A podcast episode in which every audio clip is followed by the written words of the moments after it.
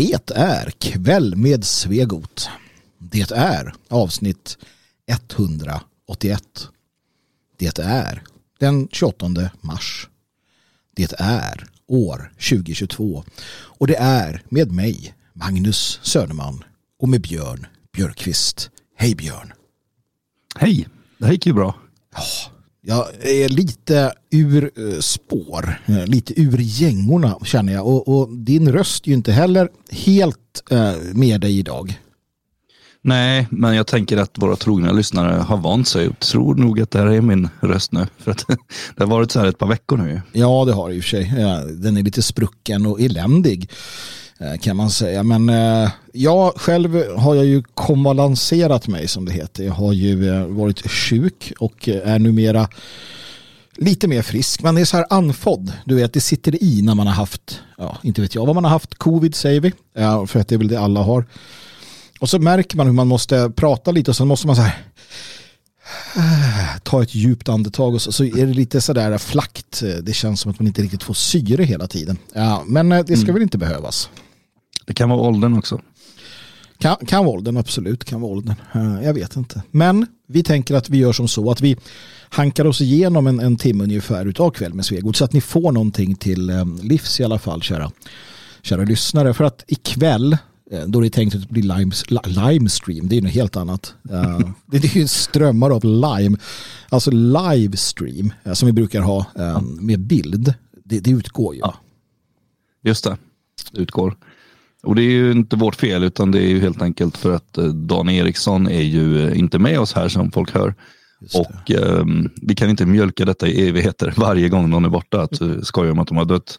Nej. Så den här gången hade vi ihjäl helt enkelt. Ja. För att uh, det skulle bli mer allvar. Uh, nej, utan han är ju på resande fot och det är ju bara han som kan sköta direktsändningarna. Alltså, vi skulle säkert kunna du vet, plocka upp och hjälpligt, men det blir ju inte bra. Eller ja, det blir lyteskomik och det tänker vi inte ägna oss åt. Um, den här gången. Då. Så att, nej. Och sen känner jag också att jag, jag vet inte om jag skulle orka riktigt heller. Utan jag, jag vill nog ta det lite lugnt. Man ska komma igång eh, sakteliga. Förra gången när jag var sjuk så här, då var jag borta i fan två veckor och blev inte frisk på en månad. Så jag tänker att jag ja, ska inte stressa heller. Nej, nej, men det är nog helt riktigt. Jag har ju tänkt tvärtom. Mm, mm.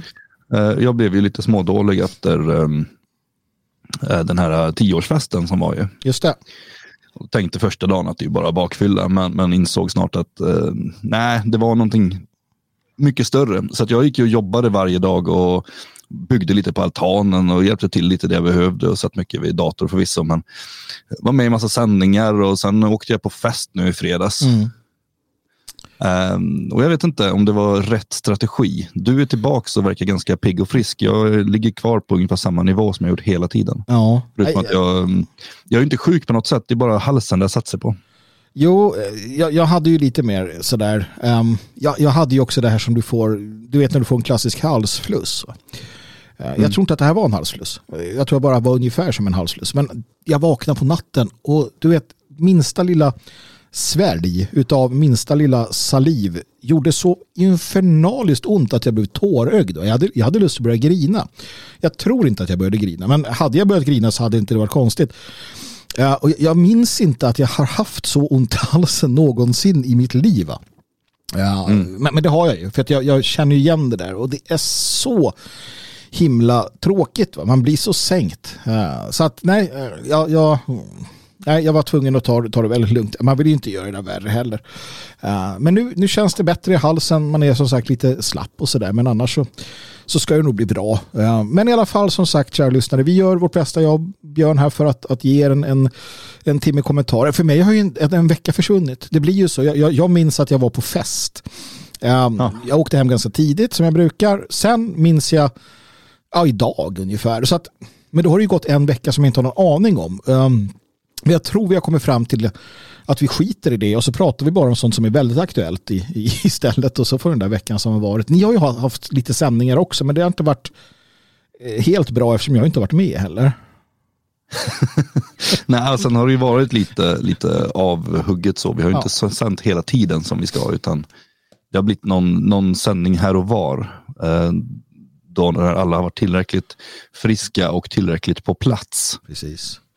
Så, att, så, så kan det vara. Eh, ja, det blir bättre snart när Dan har flyttat hit och inte han reser runt så mycket också. Ja, men precis. Det, det, tar ju tider också. Det gör det och sen så kan vi egentligen då äh, återigen etablera någon form av bra studio.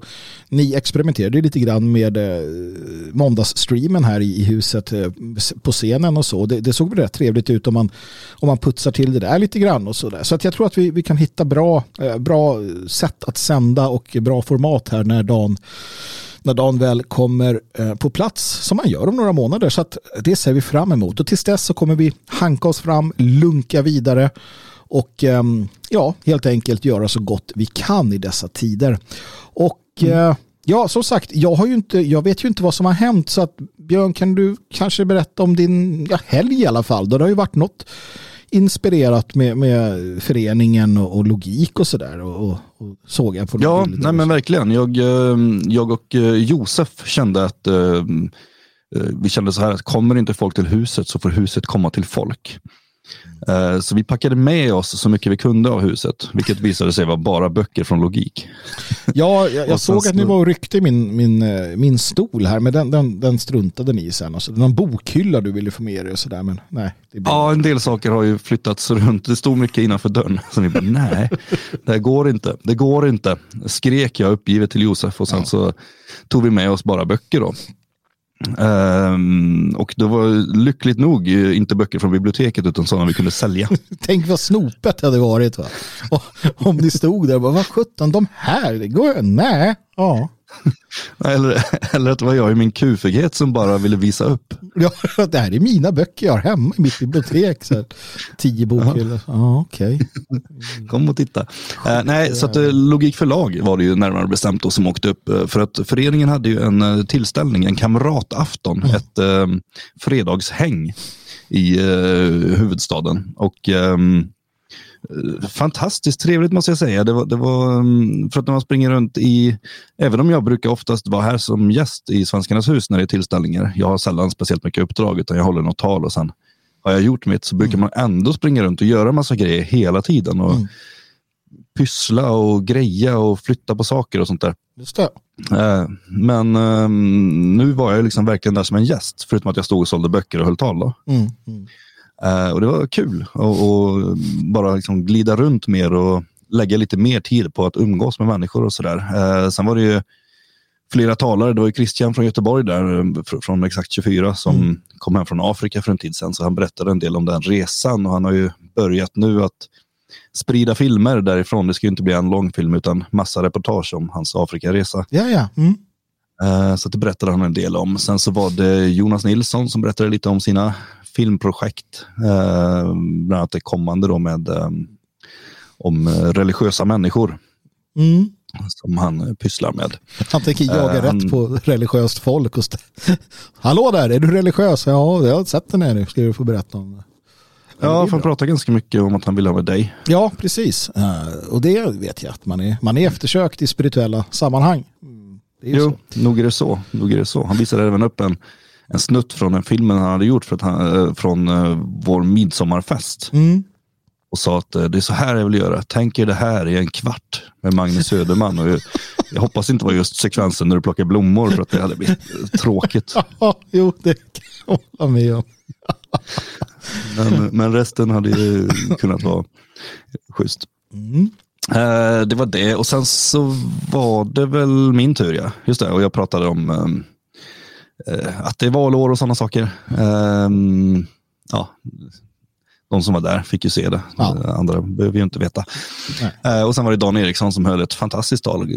Nog det bästa jag uh, har sett. Nu, nu, nu, är ju inte Dan här och kan slicka i sig berömmet. Så du får helt enkelt hålla på det tills han kan höra det här. För att han lyssnar inte på dig och mig, det vet vi. Eller vänta, ja. nej, passa på nu. För det här kommer han aldrig höra. Nej. Ja, nej, det var ett fantastiskt tal. Uh, jag vet inte, jag sa till att det var synd att det inte filmades och att det borde göras uh, om på något ja, sätt. Ja. Filmas. så, så ja, jag håller väl lite på det han hade att säga där också. Men det var väldigt bra och kanske nedslående för somliga. inspirerande för de flesta. Härligt. Det låter som att jag missade någonting. Det, ja, det gjorde det. Gjorde det. För sen var det ju musikalisk underhållning också med massa levande musik från en gitarr. och, och en strupe. Ja, nej men det är ju bra att de kommer därifrån. Mm. Eller? Som ni märker kära lyssnare, så det här är lite av en, en, en kväll med Svegot podd och livestream samtidigt. Vi är, vi är som sagt lite ja, sådär trötta och uh, i alla fall jag har svårt att fokusera en del. Så att jag kan bara spåra ur det vad det är. Men det får vara så. Det Sen märkte jag också, för att jag åkte, vi åkte ju hem på kvällen. Det var som en uh, riktig uh, gammal skinhead-spelning. Alltså att man, man åker dit och det är bara här hela dagen och sen ska man hem också sent som tusan. Ja, men det var ju inte så supersent egentligen. Vi skulle dra typ vid elva när det slutade. Eller Jaha. vi hade tutat i chauffören att vi kanske skulle dra vid halv tio eller något. Ah, ja, ja, ja. Eh, men sen, så, sen när klockan var elva, då var det så konstigt. då, då, var, då var ju jag försvunnen. Jaha, men vad hade du tagit ja. vägen då? Nej, jag gick runt på ett annat ställe och kollade på något. Ja. Eh, så, så vi kom iväg kanske halv tolv eller någonting. Ja, ja, ja. men det var ju hyfsat bra ändå. Så vi var, tio över tre var vi hemma. Ja. Uh, och jag tyckte, för, för det, folk brukar alltid hålla på och säga att ah, det är så jobbigt att åka till Elgarås och så här. Och nu har jag gjort den omvända resan liksom, mm. fram och tillbaka. Så jobbigt var det inte. Nej, Framförallt vägen hem gick ju jättefort när man satt och liksom hade druckit massa vin och så.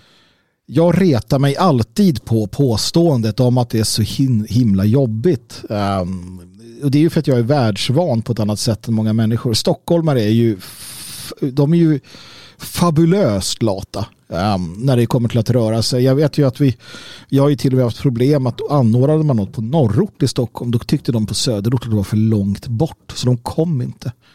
Uh, mm. Det där är ett, ett uh, intressant uh, problem kan jag säga. Jag vet inte vad det är med en. Jag är ju stockholmare så att jag vet ju att man, man är sådär himla lat. Men jag brukar alltid dra jag brukar alltid dra med parallellerna till de första muslimska församlingarna i Sverige när muslimer åkte från ta fan hela Sverige för att kunna gå i bön. Eller när Livets Ord etablerade i mm. Uppsala och varenda sån här eh, tokig Livets Ordare drog dit från hela landet varje helg.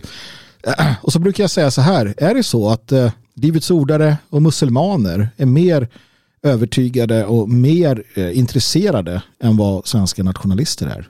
Dum, dum, dum. Ja, så är det säkert.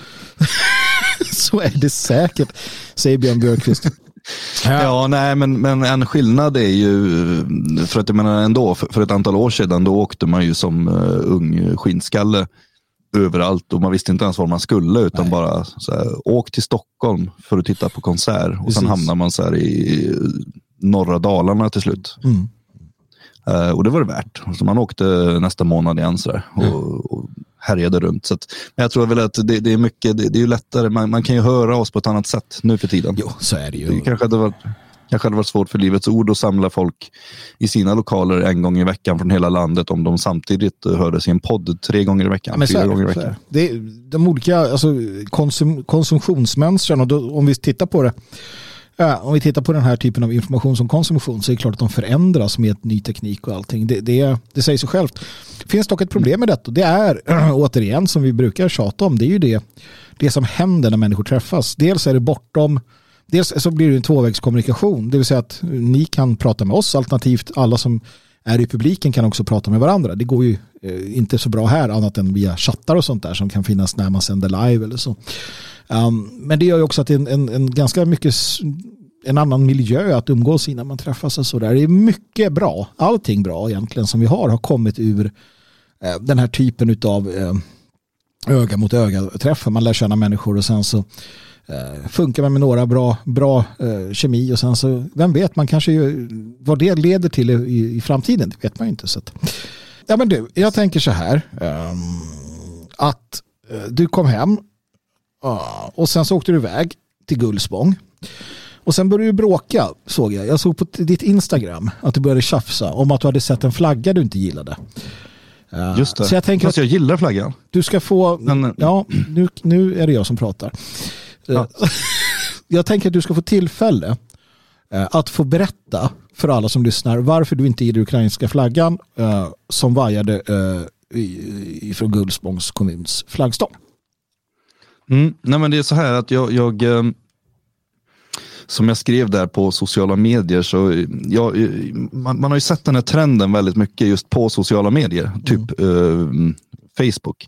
Att så fort någonting händer, alltså det blir ett, det är ett terrorattentat i Frankrike och då ska alla ha en fransk flagga på sin profilbild. Mm.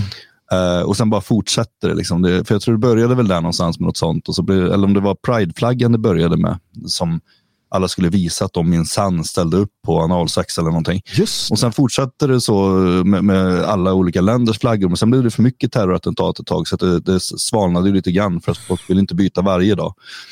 Um, men sen blev det ju i samband med uh, de här, uh, han som inte kunde andas där i, i USA så blev det en sån här white, eller Black Power-näve som man skulle ha på sin profilbild. Och, och, just nu så är det Ukraina som alla ska ha för att visa att de uh, står upp mot, uh, mot uh, Ryssland. Då. Mm. Mm. Och, och, jag kan fatta det där. Alltså, det är ett enkelt sätt för människor att visa att de minsann hänger med i, i nyhetsflödet. De vet vad som är inne och sen så kan de samtidigt då känna sig lite goda Uh, och det, det, vill man ju göra. Det mår man ju bra alltså Det har ju visat sig, jag läste en undersökning för ett tag sedan om till exempel att människor som skänker pengar till välgörande ändamål mår mycket bättre. Ja. Att de, uh, de känner sig goda. Det är intressant uh, med tanke på att det här har tagits upp av en, en kvinna som hette, ja, vad sjutton hette hon? Gamla libertarianen, eller vad fan hette kvinnan? Atlas, Atlas Shrugged och allting. Ja, Jaha. Eh, Ayn Rand, Ayn Rand ja, precis. Ja, hon hävdar väl i, i princip att alla goda, alla, ord, alla goda osjälviska gärningar egentligen baseras på att det är själviska handlingar. Ja, men så är det nog väldigt, väldigt ofta. Ja, för att finns det, en, det finns ju ingen osjälvisk handling som inte får dig att må bra. Alltså, nej. även om det är en, en elände, alltså även om det handlar om att nej, men jag, jag går osjälviskt ut i kriget Eh, och ligger i eh, liksom en råttäten eh, sovsäck och, och är beredd att dö. Så, och det är kanske inte så kul. Så mår du fortfarande bra för du ligger där och tänker jag gör det här och det gör inte du din jävla fanflykting. Ja, och framförallt efteråt sen kan man känna att oj oj oj vad jag har gjort. Ja precis. Alternativt man dör men man dör med vetskapen om att andra kommer säga att oh, han, han var en sån som var där. Mm. Uh, sen vill jag ju, jag, jag, jag ogillar ju tanken på att all godhet liksom baseras på det själviska. Men det är svårt att inte ge henne rätt. Sen kan man ju fråga om det vad som kom först då. Hönan eller ägget. ja, kan... för jag tror att det är lite grann egentligen så att, att man eh, jag tror inte att man gör alla gärningar för sin egen skull. Däremot så är väl det en bra bieffekt att man mår bra av det sen också. Jo men det är väl som att Gud har sett till att det, att det är skönt att ligga så att det blir bra med barn. Jag menar, hade det varit oskönt att ligga hade vi aldrig fått barn. Nej, då hade nog mänskligheten varit borta sedan ganska ja, länge. Så då får han ju ta att folk ligger utan att det blir barn också. Ja. Lite grann, han kan ju inte vara sur på oss för det. Ja. Nej, nej, jag tycker inte det. Jag nej. tycker inte det. Men det, nu undrar ju folk vad det här med flaggning i, i Gullspång Ja, för att vi har ju fortfarande inte, har Gullspång alltså en, en ukrainsk flagga på sin Twitter eller? Nej, utan i sin flaggstång. För att de, de, kommunerna har ju börjat använda flaggstängerna på samma sätt som folk använder sina sociala medieprofilbilder. Ah, det här är alltså pudens kärna nu. Ja, alltså för, för jag åkte förbi där jag åkte förbi där för några dagar sedan och då såg jag flaggan och jag har inbillat mig att det var äh, inte kommunen utan att det var hotellets flaggstång. Har jag ja. tänkt. För det var likadant i somras så hade de någon sån här uh, regnbågsflagga uppe och jag tänkte att det här ska jag störa mig på. Mm. Sen kom jag fram till att ah, men det är nog uh, hotellet så att jag behöver inte störa mig på dem för att det är liksom ett privat företag, de gör vad de vill. Just uh, men nu satt jag och ägnade en timme åt det igår att um, söka på internet och lyckades komma fram till att det är kommunens flaggstång. Mm. Och då stör jag mig på ett helt annat sätt. När, när den här godhetssignaleringen liksom har smittat ut på kommunens flaggstänger. Mm.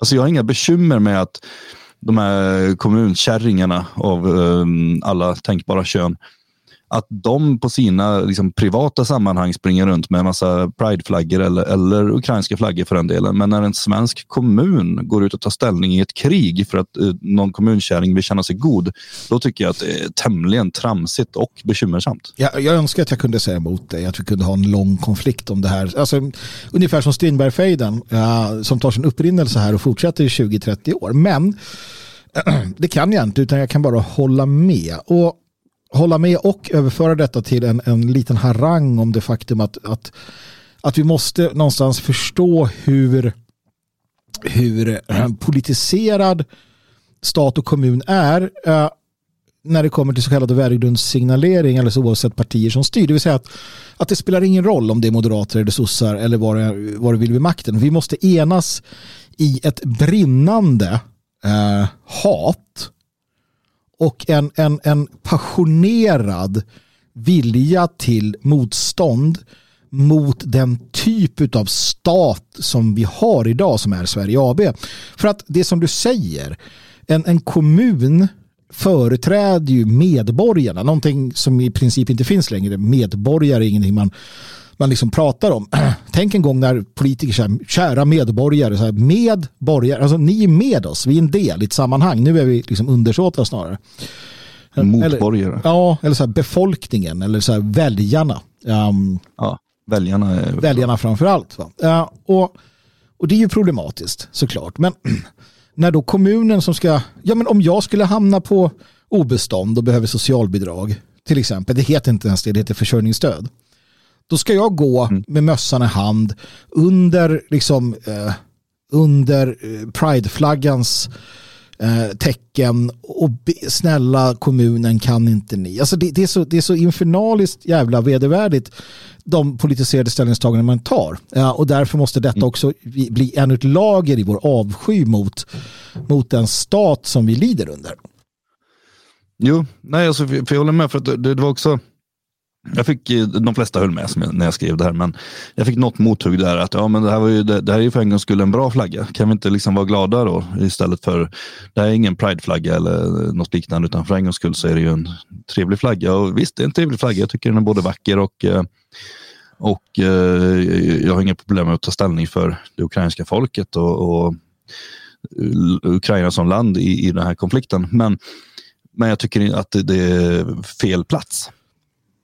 Eh, det är helt och hållet fel plats. Eh, sen är det ju um, Ja, det du var inne på att oavsett om det är moderater eller sossar så jag menar, rekordet tog ju Sverigedemokraterna. De som håller på och tjatat för att få bort den här bögflaggan ifrån uh, uh, vad heter den? Blekinge kommun ja, där de sitter. Just det, just det. Sölvesborg.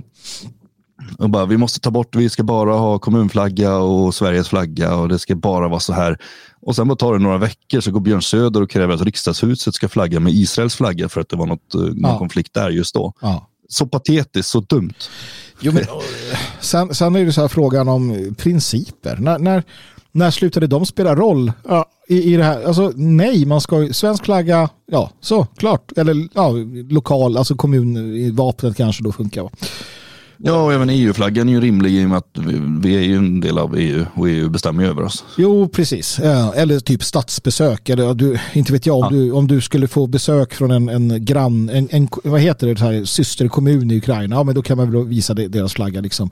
På en ja. lägre flaggstång naturligtvis. Det ska vara, jag tycker det ska finnas principer. Men, men det, det, det är svårt, jag, jag kommer en annan sån här princip jag, jag gillar ju att ta principiellt ställningstagande för det gör alltid så ont i så många dumma människor. Ja. Jag, jag såg Mikael Yüksel, du vet han på uh, enheter va? Ja, just det. Eller frihet, jag vet inte vad det heter, det där partiet, Turkpartiet. Han, han skrev ju Ja, det heter något helt annat va? Ja, ja, det kanske det gör. Han skrev i alla fall så här. Jag går in på Willys, eller det blir så här, jag går in på Willys och hör att en eller jag orkar inte. Jag går in på Willys och hör att en etnisk svensk gubbe med stor ölmage berättar att han önskar rysk invasion av Sverige för större frihet i landet. Är Sverige hans land om inte mitt enligt rasister? Uh, och då svarar jag ja. och, och, det är ju så. Och det här principerna kommer in um, rent generellt. Det vill säga det, det är alltså en, en värdelös, dum svensk gubbe eller kärring är ju fortfarande svensk. Och, och, en utlänning, en utlänning, en jänkare, en jänkare. Och, och, det här är ju så svårt för många, just den här principiella hållningen att den, det handlar ju inte om om en person är ditten eller datten. Um, utan mm. det handlar ju om principer. Alltså principiellt vem som är svensk etniskt sett, vem som gör det. Nej, inga flaggor. Så, men om, er, om de skulle hissa er kommun, eh, för er, om det fria Sveriges föreningsflagga för att hedra er. Så nej, det ska man inte. Uh, för att, det skulle vara jätteexkluderande ju, mot alla andra. ja, precis. Nej, men det, det, det, och det är därför man måste vara principiell. För är man principiell så blir livet mm. Eh, enklare någonstans. Alltså, sluta med känslosåsen, för guds skull. Mm. Jo, precis. Nej, det är inte svårare än så. Nej. Men uh, tydligen är det svårare än så för somliga. Jo, Jo, visst, det är ju det. Alltså, det är ju det för somliga. Men vi kan ju direkt hoppa på då, när vi ändå pratar principer, och bara gå på det här skoldådet i Malmö. För, för, att där, där riktas ju där riktas ju kritiken nu mot oss. Dels inte vi, alltså generellt mot svenskar. Ja, svenskarna fick ju en släng av sleven när eh, det visade sig att de jättegärna tar emot ukrainska flyktingar, alltså kvinnor och barn men inte lika mycket gärna tack nej. Eh, sådana som Yüksel och hans eh, anhang beroende på vart de kommer ifrån också naturligtvis. Men afghaner och allting, det vill man inte ha hem. Men ukrainska mm. kvinnor och barn tar man gärna hem. Då var det så här, åh, Eh, rasismen visar sig och sådär. Och sen så kommer sådana här liberala debattörer och nej det är inte alls rasism. Jo det är rasism. Alltså, man kan definiera rasism lite olika, men visst är det en förståelse. Vi börjar där. Är det en förståelse eller en med, en medfödd eh, förståelse för ras som gör att folk säger ja, jag vill ha vita människor bredvid mig, i, hos mig, men jag vill inte ha en massa afghanska så kallade flyktingbarn hemma hos mig. Ja visst, eh, och, alltså det, det, både och. Både att man vill eh, ha dem omkring sig och även att man vill hjälpa dem. Mm. Beror ju på vilka de är. Fram, framförallt kanske hjälpa dem just så här. Jag vill ha ukrainska kvinnor och barn kring mig nu. Så här, va? Ja, jag har velat det hela mitt liv. I hela mitt liv har jag väntat på att snälla ge mig ukrainska kvinnor kring mig. Då kan man ju ja. misstänkas för att vara lite sådär knepig. Va? Men, men eh, ja. generellt att man vid valet då, mellan en vit människa och en icke-vit människa så bara, ja, men jag kör på vit människa. Uh, ja, ja. Nej, men vad bra, då är vi överens där. För att kritiken kom ju också efter det här fruktansvärda uh, dådet i uh, Malmö där är en ung mm. kille. Jag, har inte, jag, jag, jag, ska erkänna att jag inte har studerat detta. Men det är alltså en, en eh, misstänkt person, Fabian Cederholm heter han. Eh, ja. Han är misstänkt för att ha mördat eh, två lärarinnor var i 50-årsåldern båda två.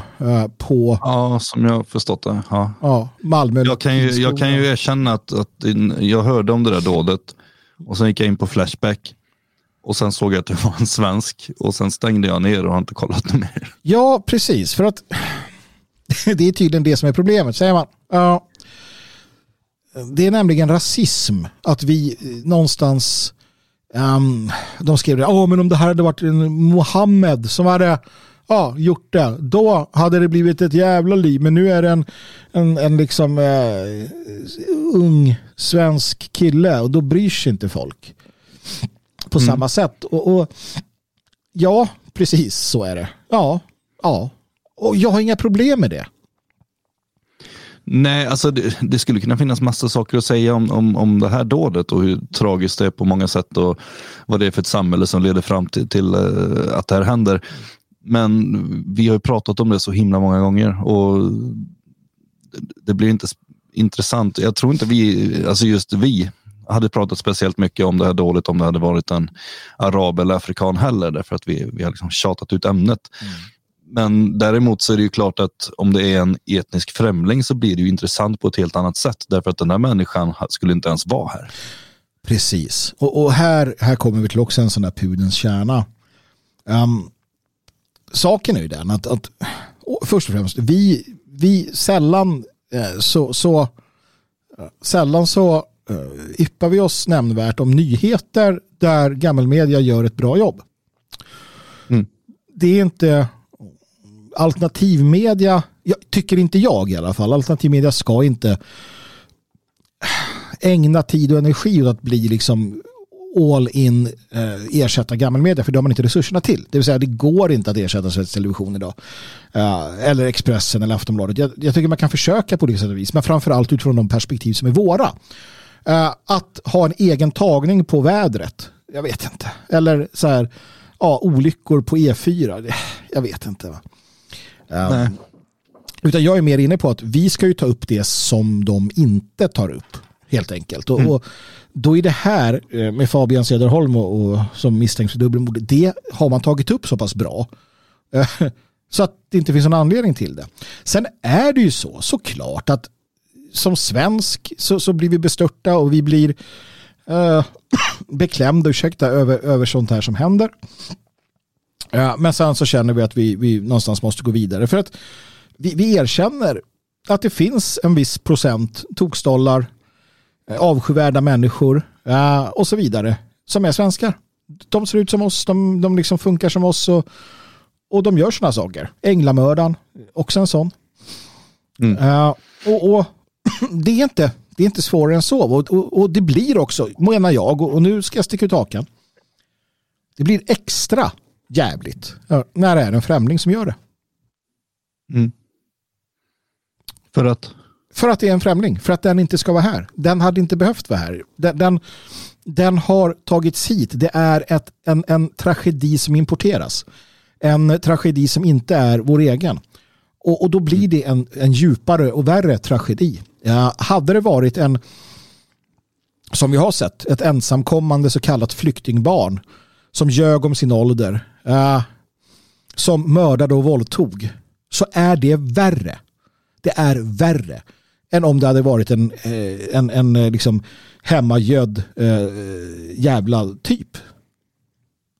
Mm. Jag tycker det. Jag, jag, rent känslomässigt och på andra sätt så tycker jag det.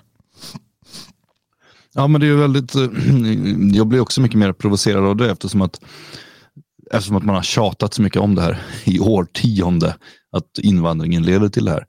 Och ändå så bara fortsätter den och det kommer hit fler och fler människor. Eh, sen blir jag ju mer någonstans, jag blir mer förbannad på svensken eh, som begår själva handlingen. För mm. att jag, jag tycker att en svensk, det anstår inte en svensk. Mm. Jag har inte så mycket högre förväntningar om en del andra. Nej. Men, men en svensk som begår ett vidrigt dåd, jag har så väldigt svårt att förstå det. Samtidigt får jag också medge att när en svensk som typ den här då, en 18-åring, då kan jag inte låta bli att tänka på vad drev honom till det här? Nej. Varför gör han så här? Precis. Vad har han råkat ut för? Ja. Så som batikkärringarna håller på när de förklarar varför invandrare begår brott. Ja. Eh, när det kommer till invandrare, varför de begår brott, så skiter jag i det. För att de ska inte vara här. Alltså det, är, eh, det är två helt olika mm. grundfrågeställningar. Om den här 18-åringen har begått ett brott som till följd av en massa skit i uppväxt och sånt där eller vad som helst. Då är det väldigt intressant utifrån en vetenskaplig synpunkt för att mm. kunna förhindra fler sådana dåd. Mm. Hur ser man till att en människa inte drivs till det här? Uh, hur man ser till att invandrare inte begår brottet. Det, det, finns ju ganska lätta lösningar. Ja men precis. Nej, jag, jag, jag håller med dig där. Jag hoppas att ni som lyssnar uh, förstår hur vi tänker. Jag vet att det ibland blir sura miner. De har man nog slutat lyssna på sig för sig sedan länge då som inte klarar av det här. Men, men, men det är viktigt ja, för att när saker händer så kan, kan man ibland känna att vad fan, jag reagerar ju inte som till synes andra gör om jag läser vad media säger. Eh, utan jag reagerar ju precis tvärtom. Eh, och då kan man fundera på, Vaha, men varför är jag sån då? Och, och då måste man stöta och blöta sådana här saker. Det är, då, det är då vi kommer in på de intressanta frågeställningarna som vi bland annat nu har gått, i, gått igenom lite grann. Att, att jo, eh, det, är, det är värre när som du sa, för det, det, är också viktigt som du sa där Björn, att man förväntar sig mer av sina egna, vilket gör att man blir argare på dem som gärningspersoner, kvinnor eller män spelar ingen roll. Men det är ändå ett värre, alltså traumat någonstans blir värre när det görs av främlingar för de ska inte ha varit här. Men som personer, eller vad det gäller liksom deras bevekelsegrunder så är det så här, ja men jag återigen, man, man, man förstår sig inte på dem i det som, som Kipling pratar om i The Stranger. Alltså främlingar, vi förstår oss inte på dem på det sättet. Mm. Uh, jag skulle kunna göra en massa liknelser, men det får jag inte. För att Nej. det skulle kunna missuppfattas om man tar uh, paralleller till andra aspekter av, av liv. Där man säger att mm. oj, nu gjorde den här det. Ja, men vad förväntade du dig att den skulle göra? jag har förväntningar på vissa men inte på andra som du var inne på där. Och, och jag tror att det är viktigt att våga, våga tänka och förstå och resonera kring det här för då, då får du en annan utblick helt enkelt och inblick. Mm. Jo, jo, verkligen. Ja. Fan, vi måste bli osams om något. Ja, ja vi, vi kommer nog till det. Jag vet inte. Men i alla fall, det var det, var det här som hände i Malmö. Uh, intressant att se vad, vad, vad det kommer fram kring, kring det här utifrån det perspektiv du då säger. För vi, vi har ju något som, som är grasserande och det är ju psykisk ohälsa, det är uh, ångest, depressioner, sådana här uh, mm. olika uh, spektra, spektra, inte spektra, uh, spektrumsdiagnoser, jag vet inte vad det heter. Och du har ju allt det här som, som vi plågas av idag. Vi har också uh, fortsatt så att, att den, den, den vanligaste orsaken, och det här är alltså, det är sånt som, som gör en illamående, den vanligaste orsaken uh, när det kommer till död för alltså barn och unga när barn och unga dör i Sverige så är den vanligaste orsaken självmord. Mm. Det säger någonting. Alltså den, den vanligaste orsaken till död bland barn och unga ska för fan vara olyckor när de hoppar och beter sig och gungar och, och klättrar i berg eller vad fan ungar gör. Men, men det är det inte utan, utan det är självmord. Jag har ingen statistik på det här men jag får för mig att det inte har varit så, utan att förr i världen, när nu förr i världen var, så gick, gick, gick de åt, ja men du vet, man gick genom isen för att man skulle hoppa på is, isflak eller sådana lekar som jag gjorde så här, spring så nära framför en bil som möjligt. Leken. ja, men så här, cykla utan styre, utan händer, uh, utan hjälm in i en vägg och se vad som händer. Prova blunda. Ja. ja men ungefär sådana saker. Ja. Men jag tänker också någonstans när man kommer tillbaks i tiden en, en bit så kan nog uh, olika former av arbetsplatsolyckor också varit vanligast till barn. Ja, just det. Och det är ju inte heller så kul. Det vill vi ju inte.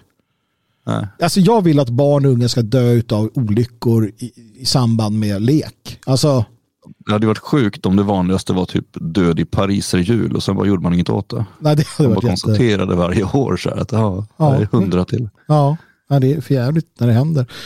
Uh, nej, men och, och, när det då blir så här, nej, den vanligaste dödsorsaken är självmord. Alltså bara att barn tar självmord, det är så här, va? Alltså, det är bara så, va? Mm. Uh, att de ens vet, jag vet inte när jag förstod vad självmord ens var. Så här, eh, det var ingenting som... Man... Ja, men jag tror, jag tror ju, alltså barn är väl upp till 18 år. Jag tror inte att det räknar, jag tror inte det liksom sitter fyraåringar och Nej, men... Eh, Utan det är väl övre tonåren misstänker jag som, som siffran springer iväg. Det gör den nog alldeles säkert. Men jag, jag, jag, jag vet ju en del sådana här, det finns ju en del kända fall 12-13-åringar. Alltså i början på mm. puberteten. Och det, det, det säger sig självt i tjejen att puberteten kommer. Uh, att, att det är då sånt här händer eller att risken ökar. Men alldeles oavsett då, så är det alltså... Det är det samhället försöker lösa nu genom att låta barnen byta kön istället. Precis, för det kommer ju hjälpa. Nej, men med det i ryggsäcken så, så blir sådana här saker som Cederholm då. Uh, den här typen av uh, liksom, uh, attacker blir intressanta varför det händer och, och, just bland dem och, varför ser vi inte det här och det, det är också frågan. Det, det, är, det, är ju, det är ju en fråga att ställa. Varför ser vi inte den här typen, vi hade han i Lynch, vad var det? Trelle, nej, vad var det? Sabelmannen med Star Wars-masken. Ja, eh, Trollhättan. Just det, Trollhättan och det här nu vi har sett från andra då så kallade skolattacker. Varför är det inte det ensamkommande flyktingbarn som mår dåligt som, är liksom, som gör det här? För det mm. ser vi ju inte. Jag har i alla fall inte sett någon sån. Utan, utom när det är terrorattacker. Ja, men den här typen av liksom ensamagerande uh, unga män framförallt som, som uh, mördar sina liksom, uh, klasskamrater eller lärare det, det är vita människor. Alltså rakt mm. igenom. Um, mm. och, och, det skulle ju vara kanske intressant att titta på varför, vad är det i samhället som får vissa att uh, handla så här medan det bland andra etniciteter överhuvudtaget inte blir på det här sättet. Um, Nej, att det ser ut så i land efter land är ju väldigt märkligt. Framförallt i vita västerländer. Ja. Inte så mycket i andra länder. Så finns det ju några, några undantag. Det är väl en annan asiat och någon jude och sådär i USA som har. Ja, men där är ju också frågan uh, varför just, för att båda till, alltså rent kulturellt sett i USA så jag vet inte, asians, ja lite beroende på, oh, jag vet inte, i alla fall det är inget vi kan gå igenom här. Men, men som sagt, det finns intressanta frågeställningar att ta och göra här. Mm, uh, Ja, herregud i himmelen. Nu är vi igång va? Eh, och, eh, Jaha. Du kom, jag kom ju ner till dig förut och du var så glad. Mm. Du sa att idag ska vi prata om Oscarsgalan. Ja, precis. Ja, Jag tänkte vi skulle göra det också. Och, det är mest för att jag såg att den hade gått av stapeln. Ja, och jag såg att Will Smith hade gett Chris Rock en, en trynstöt. Och jag kände så här, jaha. Och då tänkte jag så här, att jag vill prata med dig om vad du kände angående Oscarsgalan. Eh, ja, jag eh, fick veta att den hade varit i samma stund som du berättade om att vi skulle prata om det. Precis. Jag hade ingen aning. Sen visade du filmen och jag trodde det var en sketch. Så att lite grann frågan, brydde sig någon om det här? Tänker jag. Och, och det fanns väl några stycken. Men alla de här galorna uh, och allt det här. Du vet vi har Guldbaggegalan i Sverige. Vi har en massa sådana här saker som sänds på tv. Mm. Och jag börjar tänka, så här, för att alla de här verkar tappa tittare. Oscars har ju tappat hur mycket som helst. Mm. Och jag börjar få, få känslan, eller jag har länge närt den här funderingen. När vi hade linjär tv, då det bara gick att se det som gick att se. Mm. Då tittade vi på Oscars och vi tittade på Guldbaggegalan och vi tittade på Mellon och allt möjligt. Bara för att det liksom, det var det som gick. Mm. Men så fort vi fick välja själva, då slutade vi i ganska stor utsträckning titta på när eliten klappar varandra på ryggen, eller? Ja, det kan ju vara en förklaring. Jag tror att en annan förklaring kan vara just att det är så förbannat många galor. Vilket gör att man kan inte titta på alla. Alltså det, om, man, om man ser i Sverige så har vi ju dels Ja, det är väl Guldbaggegalan vad som är motsvarigheten till Oscars eller? Ja, jag tror det. Eh, Men sen finns det ju även någon för musiker, Grammis. Mm. Och sen har vi ju fotbollsgalan för alla som spelar fotboll. Sen har vi idrottsgalan för alla som spelar fotboll eller någon annan form av idrott. Och så har vi barncancergalan och vi, alltså det finns så mycket galor och så QX-galan också som är likadan som allihop. Där det kryllar av kändisar och, och någon, eh, ett par hurtiga figurer som är programledare och så går de runt och pratar med folk i publiken och filmar på massa kändisar. Och jag menar, det där måste ju bli mättat också. Mm. Jo. jo, det blir det väl. Uh, och som sagt, när man har möjligheten att se något annat så kanske man då helt enkelt väljer den. Jag, jag personligen tycker det är, för jag minns när jag var yngre, då tittade vi på alltså de här galna. När de gick så tittade man och man, jag vet inte, man fick se de här uh, Clint Eastwood stod där och sa något. Och det var, man fick se en som sig själv och inte som Dirty Harry. Jag vet inte, men, men Ja. det, det, Där, kan, där kanske sociala medier och så har dödat det. För att det är ju inget spännande med kändisar längre. För att alla har ju även sociala medier. Precis, till och med jag har sett att Clint Eastwood har typ Twitter. Fast jag tror inte att det är han. Men det, det, kontot agerar respektfullt gentemot honom. Så att det kanske är sanktionerat eller jag vet inte. Men, men visst är det så. Ja, och jag vet jag följer ju typ Sylvester Stallone på Instagram. Och det är så här känner jag att jag inte skulle ha gjort. alltså. Nej men inte, alltså han gör inga, han är bara sig själv men i min värld så är Sly, det är ju liksom rock och kobra och sådär. Det är inte, han sitter i bilen med någon dotter och så här, ja det är jag och hon har varit och ätit mat så här. Vi åt räkor. Ja men fan kom igen nu Rocky liksom, lägg av. Ja, jag känner ju likadant sen jag började följa Gunde Svan och hans son. Ja, precis. Och Gunde då, och och då Ferry gör de ändå i princip sådana saker man förväntar sig. Men, men det blir liksom för mycket. Ja, det blir ju det. Alltså, kanske, jag vet inte. Det här blir jobbigt för kändisarna. Sen så kommer det nya kändisar. Allting blir den här jävla bubblan. För du har din bubbla med dina kändisar. Det var ju som när jag för typ fem sex år sedan lärde mig att det fanns någon som hette Klara Ing... Nej, vad fan hette hon då? Klara... Klara... Mens... Klara? Någonting. Är hon den där rödhåriga typ. Ja, jag vet inte. Nej. Nej, mera brun kanske. Ja, Clara hade, Henry. Clara Henry ja. Och ja, Dan nämnde något om henne för att hon hade gjort någon, något utspel och jag sa, vem, det är väl ingen som vet vem det är. Hon hade typ en halv miljon följare på sin YouTube. Mm. Oj då, tänkte jag på det direkt ändå. Men, men eh, ja, den här, den här typen av för det är klart att under fanzintiden så fanns det ju folk som så här, ja just den här obskyra personen är en kändis för mig. Mm. Men fortfarande så fick de inte den det är följarskaran. Idag är det så, nej jag vet inte, jag förstår mig inte på det. är väl bara det, jag förstår mig inte på det här riktigt. Ja, nej, men det, det är ju i och med att vi inte har, alltså när vi hade ettan och tvåan att titta på, då, då pratade ju alla om samma saker. Mm. Allting var väldigt enat. När, när uh, Hyland gick ut och sa att alla skulle släcka lamporna så gjorde alla det. Så var det mörkt i hela Sverige. Ja. Uh, när, sånt går inte att göra idag därför att det, det blir aldrig den jättesamlingen kring någonting. Det största är typ så här Kalanka på julafton och Melodifestivalen men det är ändå bara två miljoner eller något som tittar på de grejerna. Eh, Så att det är en klar majoritet som inte gör det. Eh, Och, och, och där, där är ju skillnaden mot förr. Utan, menar, nu, kan, det finns ju massa YouTubers som varken du eller jag känner till som Oh. har liksom miljonpublik i Sverige. Mm. Eh, olika, framförallt de som riktar sig till barn, alla konstiga spelkanaler och, och grejer som man, man försöker hänga med för att man har barn men det, det blir så många och de är så tråkiga. Och sen är det några som är roliga som man ändå kan uppskatta lite grann. Så, just want to be cool till exempel. De har sina poänger. Oh ja, oh ja. Eh, Mustige Mauri. Ja, det är ett annat exempel. Han har ju börjat ta sig in i tv nu och har ju program på TV4 och så likadant Keyyo som jag inte hade en aning om vem det var som är en av SVTs stora stjärnskott nu. Hon är också plockad från YouTube. Mm. Så att det, det finns ju massa sådana där. Och, och, men det gör ju också att då blir ju inte Oscarsgalan lika spännande därför att folk, eh, har, folk kan vara jätteinne på andra superkändisar men som inte alls platsar in i, i den kategorin, just filmkändisar. Mm. Vi får väl se vad det blir av med allt det här. Alltså, det, är, ju- det är en sån grej när det kommer till... Eh, det är ju främst sociala medier som driver, alltså som, som får, ja, som kan göra att du blir känd. Såklart av olika skäl. Framförallt känner jag då i den här ekokammaren som det blir någonstans. Så jag, jag undrar. Jag har ju hållit på med YouTube nu i några år och jag känner mig mindre och mindre känd. Det är färre som känner igen mig nu generellt än tidigare. Ja.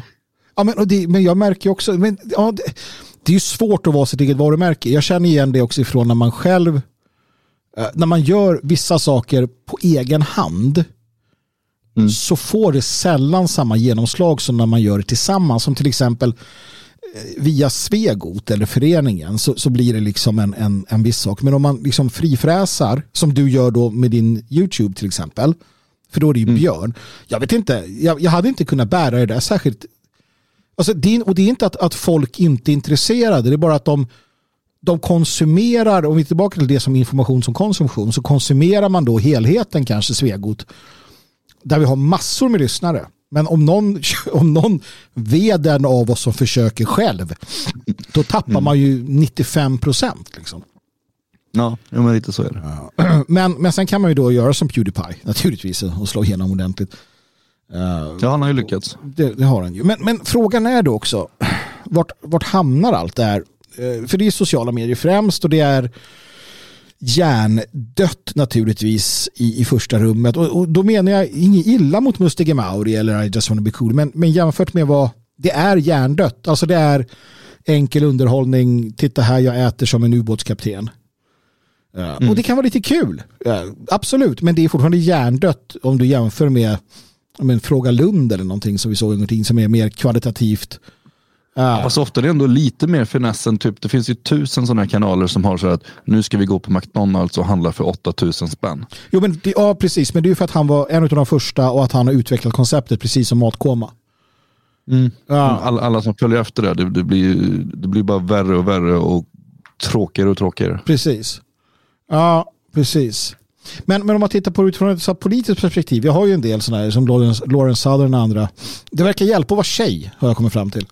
Ja, Också. Eh, det kan ju finnas, du kan ju vara en så här icke, det är härligt på Twitter, icke, alltså tjej, så, alltså man vet inte om det är tjejer eller inte, de har en tjej som profilbild. Och så skriver de, jag kanske är tjej eller inte. Och så har de ändå så här, och så en svensk flagga och så, så lite så här edgy kommentarer och så har de tio gånger så många så följare som en annan. Ja, ja, ja, kul. Men eh, alldeles oavsett, vi har ju sett en del i vår egen sfär som har liksom burits fram utav och blivit sådär. Men, men eh, det jag vill komma till här, det är någonstans att jag försöker leda in det här på sociala medier och problematiken kring censur och liknande. Eh, och det faktum att det var en diskussion häromdagen där Elon Musk eh, gav sig in i det hela. Eh, då då han skrev att han funderade på att skapa en typ social medieplattform med yttrandefrihet. Uh, och hade det varit för ett par år sedan då hade jag nog blivit lite så här uh, ja, men du vet, entusiastisk. Men nu kände jag mest bara blö. För att ja. ett, är det möjligt? Och två, spelar det någon roll? Generellt, eller vad, vad händer med allt det här? För jag känner personligen att uh, det är mer och mer ekokammare och allt mindre intressant med alla typer egentligen av social media. Mm. Jo men så är det ju. Och, men, och jag tror inte på konceptet att starta en alltså social media där konceptet är yttrandefrihet. Uh, jag kan tänka mig att om Elon Musk möjligtvis via bulvaner hade startat en social media och genom hans ekonomi skulle kunna marknadsföra det ordentligt och komma med någonting nytt. För det går inte bara att kopiera de andra som alla andra yttrandefrihetssajter försöker göra utan komma med någonting nytt. Mm. Då hade det kanske kunnat bli stort. Uh, men att just utgå från konceptet att det här ska vara yttrandefrihet, redan där tappar han uh, massor av människor. Alltså framförallt För de, som vill ha, de som vill ha yttrandefrihet eh, i, i bland Elon Musk-följarna, det är mest sådana som tycker som Elon Musk. Mm. Jo, precis. Och jag har ju inte själv, jag graviterar ju inte till något av de här eh, yttrandefrihetsforumen så kallade, alltså GAB eh, är väl det, Minds har något som hette också, men GAB är väl det som de flesta... IOI, ja, BK. Just det. Jag, jag har ju aldrig graviterat Jag har försökt någon gång när Dan har tjatat om det. Liksom att det här borde man testa, det här borde ni testa, liksom, hjälps åt. Men ja, jag har ytterst motvilligt vid några tillfällen. Men nej, för saken är att jag, mitt twittrande till exempel, det är egentligen mm. inte riktat uh, sådär bara till våra, e alltså det är, inte, det är inte riktat till en ekokammare. Utan meningen med Twitter för min del har ju varit att egentligen mest kunna eh, skrika på torget och få en del att skrika tillsammans med mig och, och på det sättet utdela verbala käftsmällar, provocera eller på andra sätt och vis här försöka ruska om en del människor.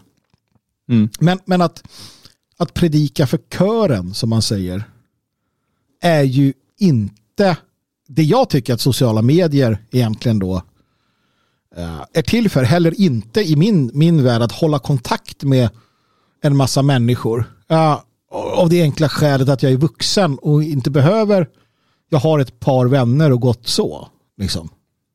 Mm. Uh, ja, jag, jag vet jag inte hur du tänker kring, kring det där. Liksom. Du jo, nej, men jag, vet inte, jag, jag har ju mest mina sociala medier som, som envägskommunikation för att uh, basunera ut typ att nu har jag gjort en ny film. Men du är på, på Gab. Du är på Gab. Vad händer på Gab? Jag vet inte, för jag går bara in när jag lägger ut mina länkar. Okej, okay, du är på TikTok. Men där ska du inte vara. jo, där ska jag ju... Men är inte ja. det för barn, eller? Ja, det är det. Fast eh, de vuxna håller ju på att döda det nu. Okej. Okay. Ja. De vuxna håller ju på att ta över. Så det, barnen har säkert hittat något nytt nu. Ja. Skulle jag tro. För det, det kanske... brukar ju vara så. Det är ju så med nästan alla såna sociala medier att det är lite häftigt för ungdomar och sen så kommer vi andra bara klampar efter. Bara, är det här ni är? Så bara mm. ekar tomt i lokalen för de har stuckit vidare. Alltså, uh, nej, jag har, ju, jag har ju typ alla sociala medier som finns. Mm. Uh, men jag är inte särskilt bra på att ta hand om dem. Jag, jag tar hand om min uh, Telegram. Mm. Uh, nej, inte min Telegram, nej. min Instagram menar jag. Min Instagram tar jag hand om. Det är den enda jag gillar. Det är den enda sociala medier som jag faktiskt gillar. ja, samma här. Och, och, jag har hört att det håller på att tappa all, all relevans. Ja, ja, men det är klart det gör. Ja. Om sådana som vi sitter där och tycker det är kul.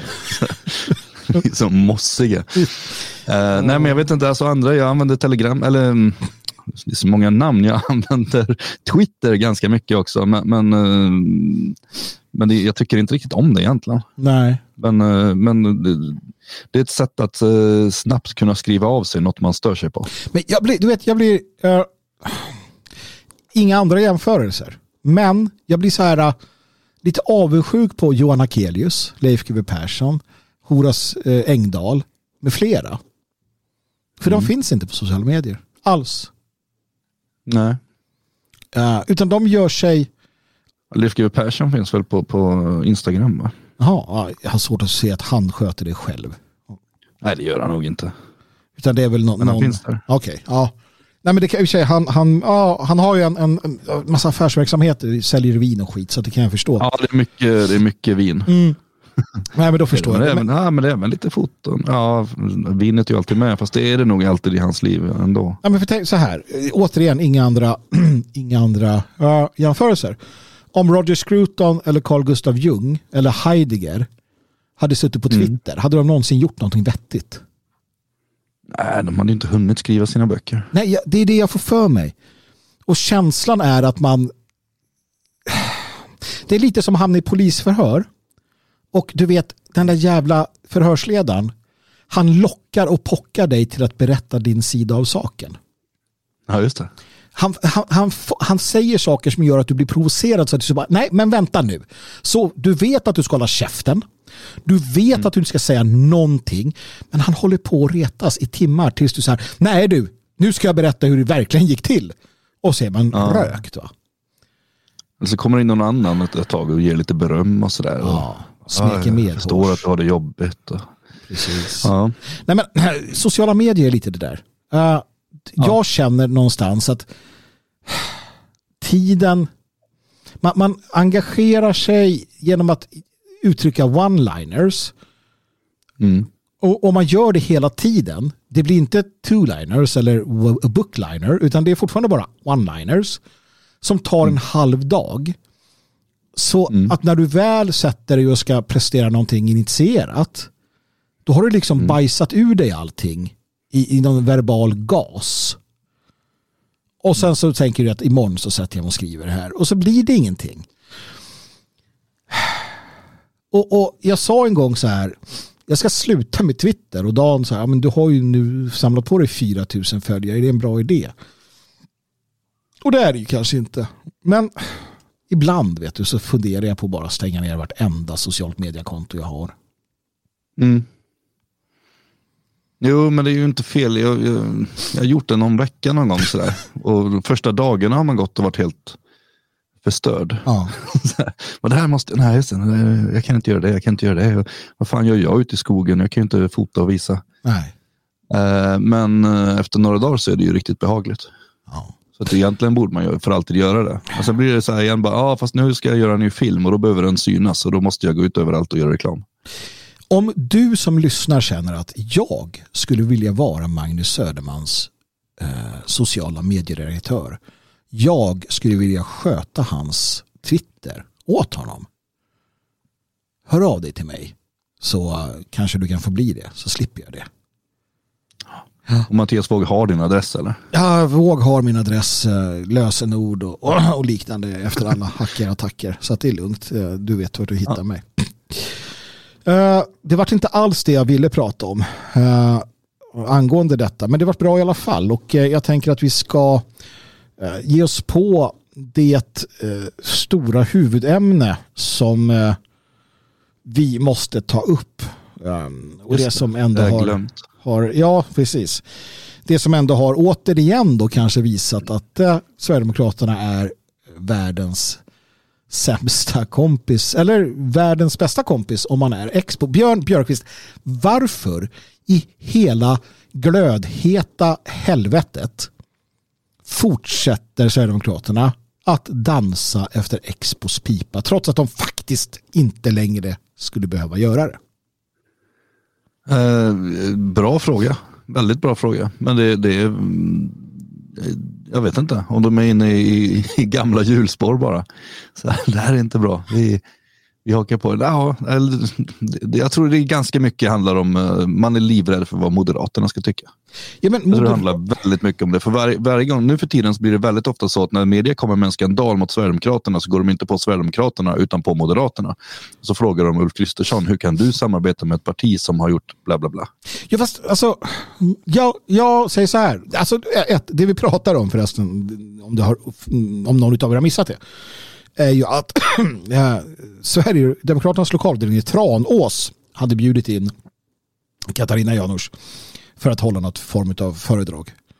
Eh, och efter att Expo hade sagt att det här var inget bra så tvingades då eh, Tranåsavdelningen eh, utav då eh, riksledningen att ställa in detta. Eh, för att Expo hade sagt det. Och, och, det är där vi, vi är. Och det är absolut inte första gången som eh, Sverigedemokraterna dansar efter Expos pipa. Det har ju till och med varit så illa att Mattias Karlsson, eh, Sverigedemokraterna högt uppsatt, har alltså hört av sig till Expo för att få deras bedömningar om olika personer som har varit tilltänkta för positioner eller liknande. Uh, mm. För att, ja, att, att Expo på förhand då ska kunna godkänna uh, personer som partiet skulle lyfta fram, kort sagt. Ja, lite som gamla tiders förhandscensur. Precis. Uh, och, och det är ju helt, helt avskyvärt. Men, och det är nu jag kommer till det här männet. För att så här, till och med en sån, liksom, som jag vet inte, Hanif Bali. Men inte bara han utan andra mer liksom low key. Alltså Expo har detroniserats. De är inte vad de var. De har ifrågasatts av alltså, människor som, som överhuvudtaget inte har med oss att göra.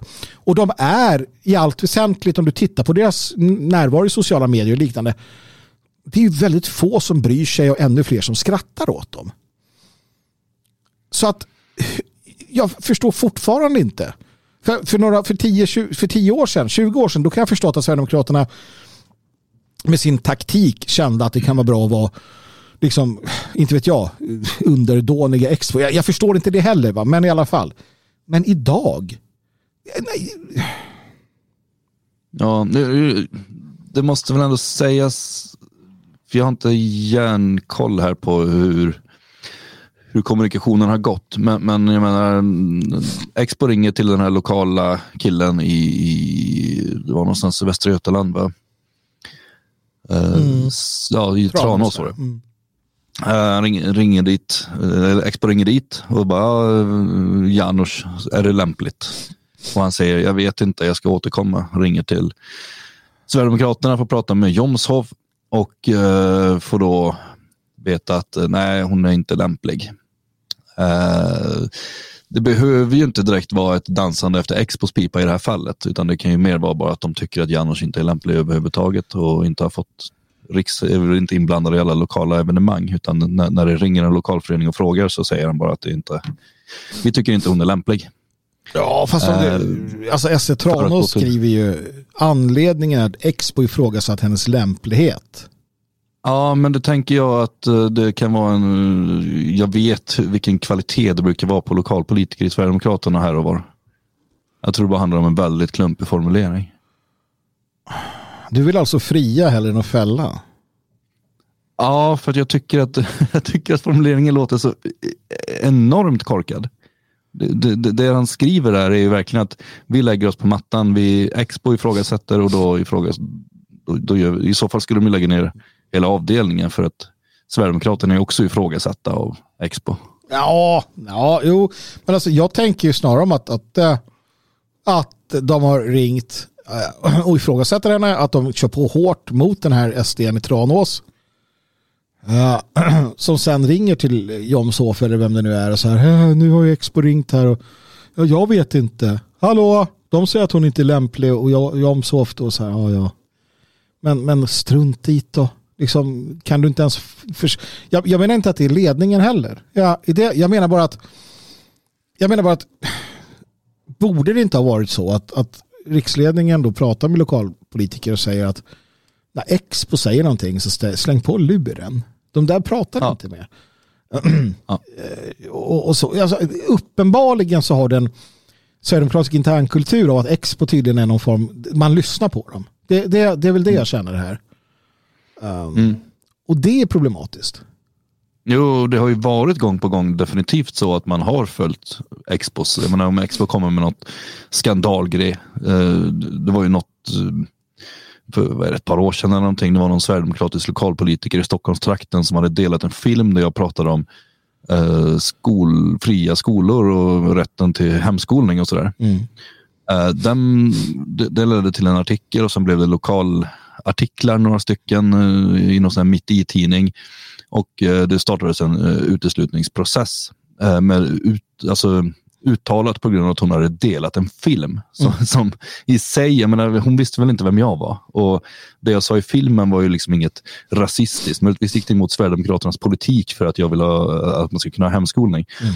Men, men ehm, det fanns ju inget häpnadsväckande där. Men direkt så bara, eh, nu, nu valde ju hon själv att gå ur partiet eh, innan hon hann bli utesluten. För hon tyckte att eh, ja, men är det på det viset så, så drar jag. Eh, där, blir det ju ett extremt tramsigt eh, krypande Mm. utan dess like. Och det där ser man gång på gång på gång.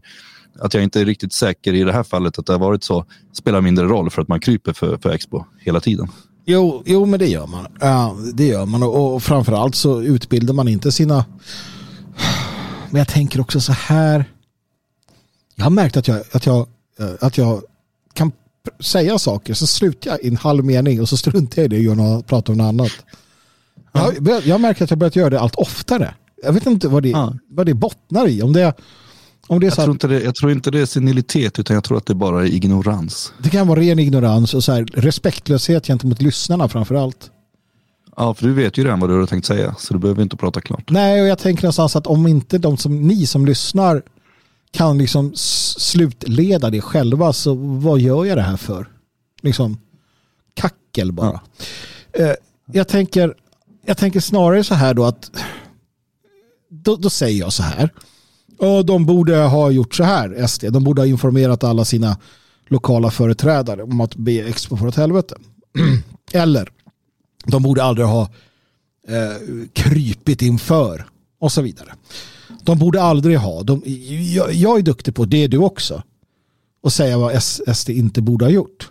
Och då kan SD sätta sig och titta på oss och säga att jo fast vi är snart i regeringen. Vad gör ni då? Ja, kan de ju säga. Vi har sagt, Småaktigt sagt. ja, för vi har sagt att ja, titta deras taktik, de ska blöda sig till makten. det är bättre med pre- preventivt självförsvar, slå dem på käften. Nej men det var ju inte det. Eller? Nej. Alltså, det här, är, det här är någonting som man ska ägna sig åt ibland och det kallas för att eh, eh, själv, inte självkritik, det är inte det jag är ute efter. Eh, utan bara att, att sätta saker i relation. För vi har klagat och bråkat om SD i många år. SD har inte brytt sig. Och SD börjar närma sig sina mål. Så, vad är Fast det beror din... ju också på vad målen är. Berätta. Måste jag ju tillstå. Jo men alltså om, om målet är att de politiker Sverigedemokraterna har för stunden ska få sitta i regeringen. Då kanske de är på väg att lyckas. Om eh, det var målet när Sverigedemokraterna startades. Att en massa människor som inte hade något med SD att göra skulle sitta vid makten. Eh, då har de lyckats. Men om målet var att driva igenom en del åsikter som de nu steg för steg för steg har tagit bort. Då har de ju inte lyckats. Om målet var att bli det nya socialdemokratiska partiet med stort P, Ja, då har de lyckats. ja eller på väg i alla fall. Och jag undrar om inte det var målet hela tiden. För att någonting som eh, Sverigedemokraterna, Sverigedemokraterna har varit duktiga på, det är att vurma för den gamla socialdemokratin.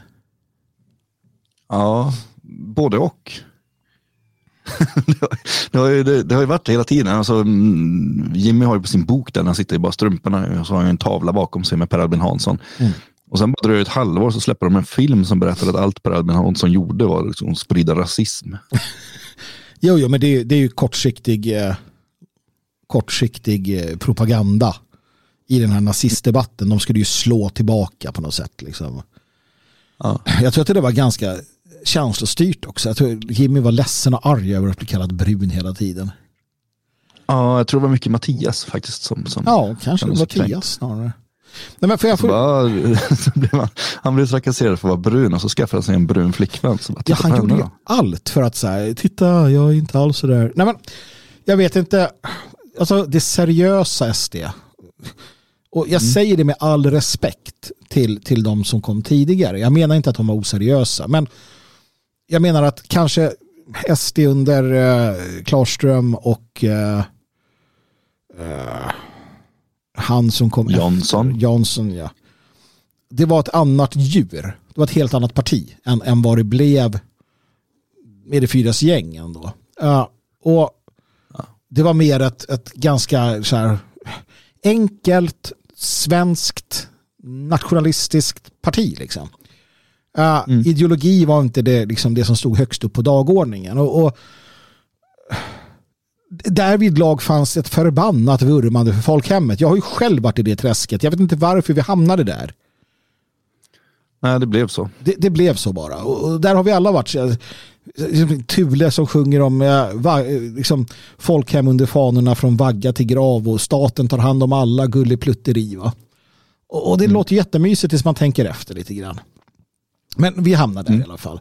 Arbetarklassen och hela den här idén. Liksom.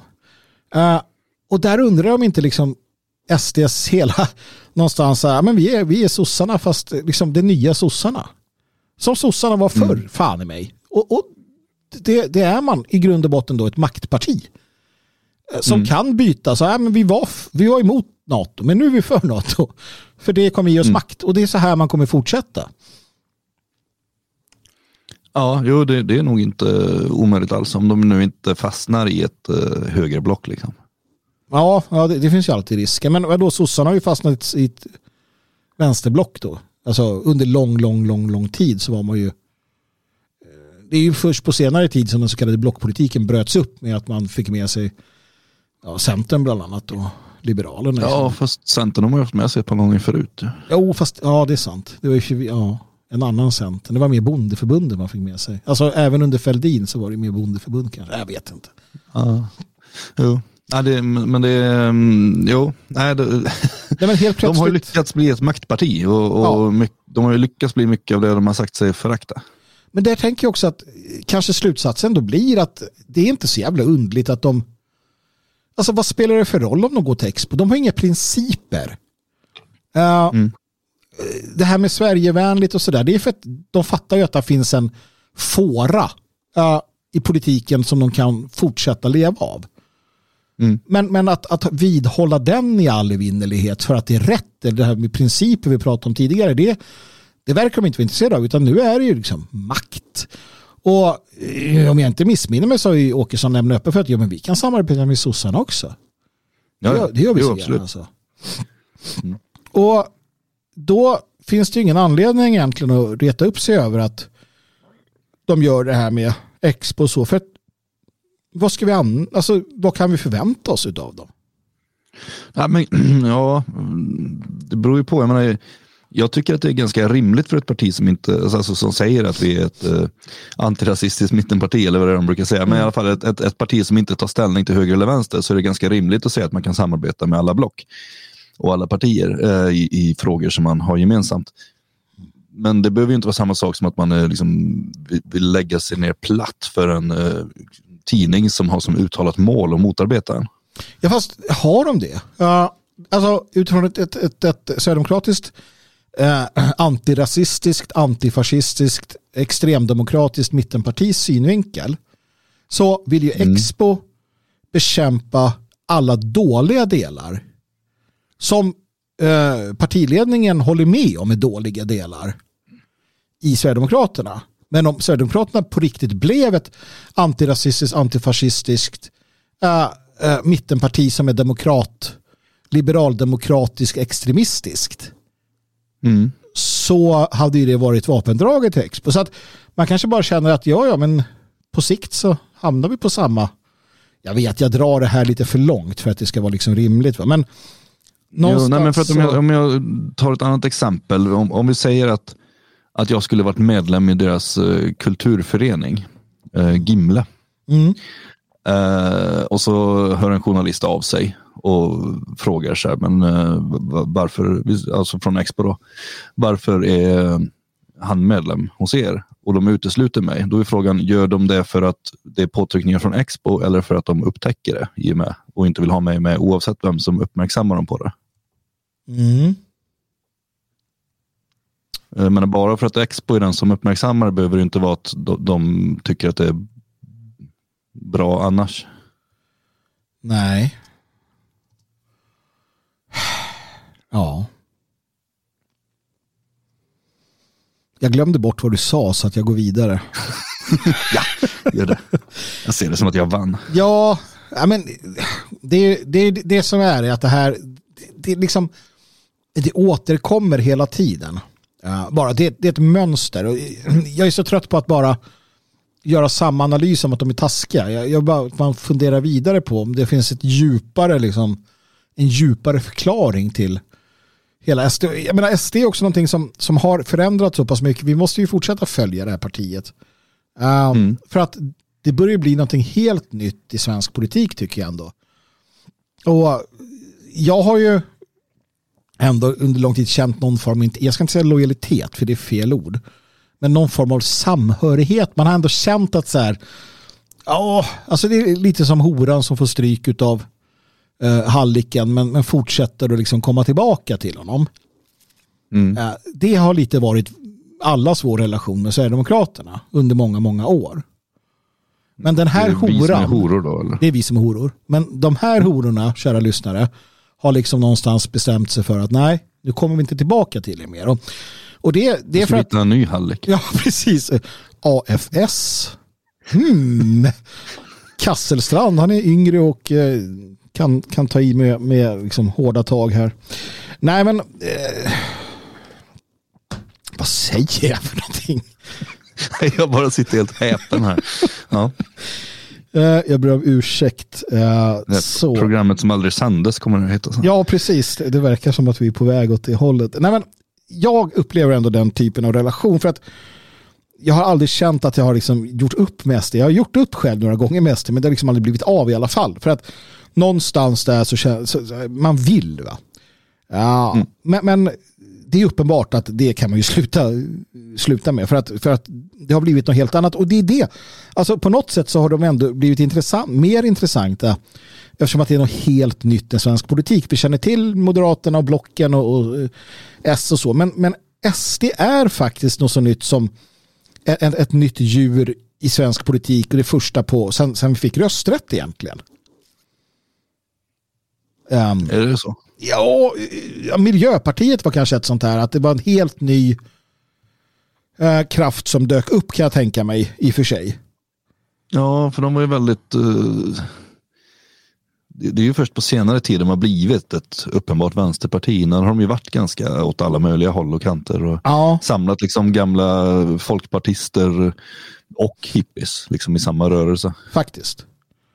Nej, men så att jag menar ändå... Kristdemokraterna var väl mer förutsägbara när de kom in. Ja, det var lite, det var rätt lätt att veta var de skulle hamna. Och SD, som sagt, det var ju inte så jävla länge sedan som de var liksom ett marginaliserat ytterkantsparti som ingen ville ha att göra med. Mm. Så, att, så det, är ju, det är ju spännande att följa det, men, men utifrån ett liksom, svenskvänligt nationalistiskt perspektiv så är de ju eh, helt ointressanta kan jag tycka. Alltså, politiskt sett. De är inte ens vägröjare längre. Det var de, till ganska nyligen så var de vägröjare och det tackar vi för. Men, men eh, generellt, sen, i övrigt så är det ganska ointressant så sätt för de har liksom ruckat, nu ruckar man på, på NATO och sådär. Men, men just, ja, eller om det är vi som varit vägröjare för dem. Det är väl... Uh, ja, naturligtvis. Uh, det, ja, både och antagligen. De hade nog mm. klarat sig från mina kalkerade uh, hakors flygblad i Kallhäll 92 ja, förstås. tänker rörelsen är stor, kanske inte just uh, det bladet då. Ja, jag tänker mest på mig själv ja. i sådana här sammanhang och vad jag har gjort. Ja. Jag funderar på att starta en poddserie som heter Magnus anekdoter om sig själv. Där jag bara pratar om sånt jag har varit med om. Ja. Jag är rädd men, för att min son inte vill lyssna på det nämligen. Så att någon måste, han måste. Ju...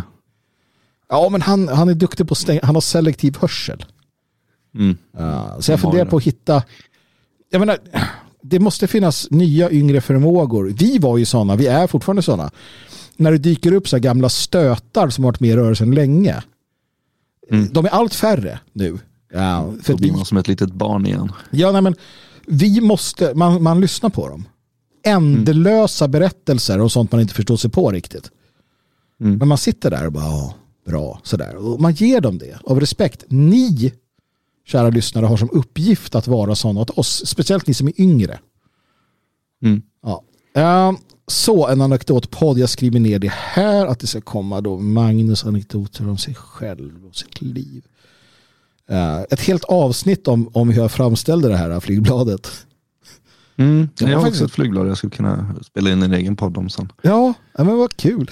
Om ni vill lyssna på den podden så hör av er till oss och säg ja, vi vill, eller skriv det, skrik ut det på sociala medier. Ja, vi vill ha en anekdotspodd. Eh, om ni är fem stycken som säger att ni vill ha det, då är jag beredd att spela in ett avsnitt.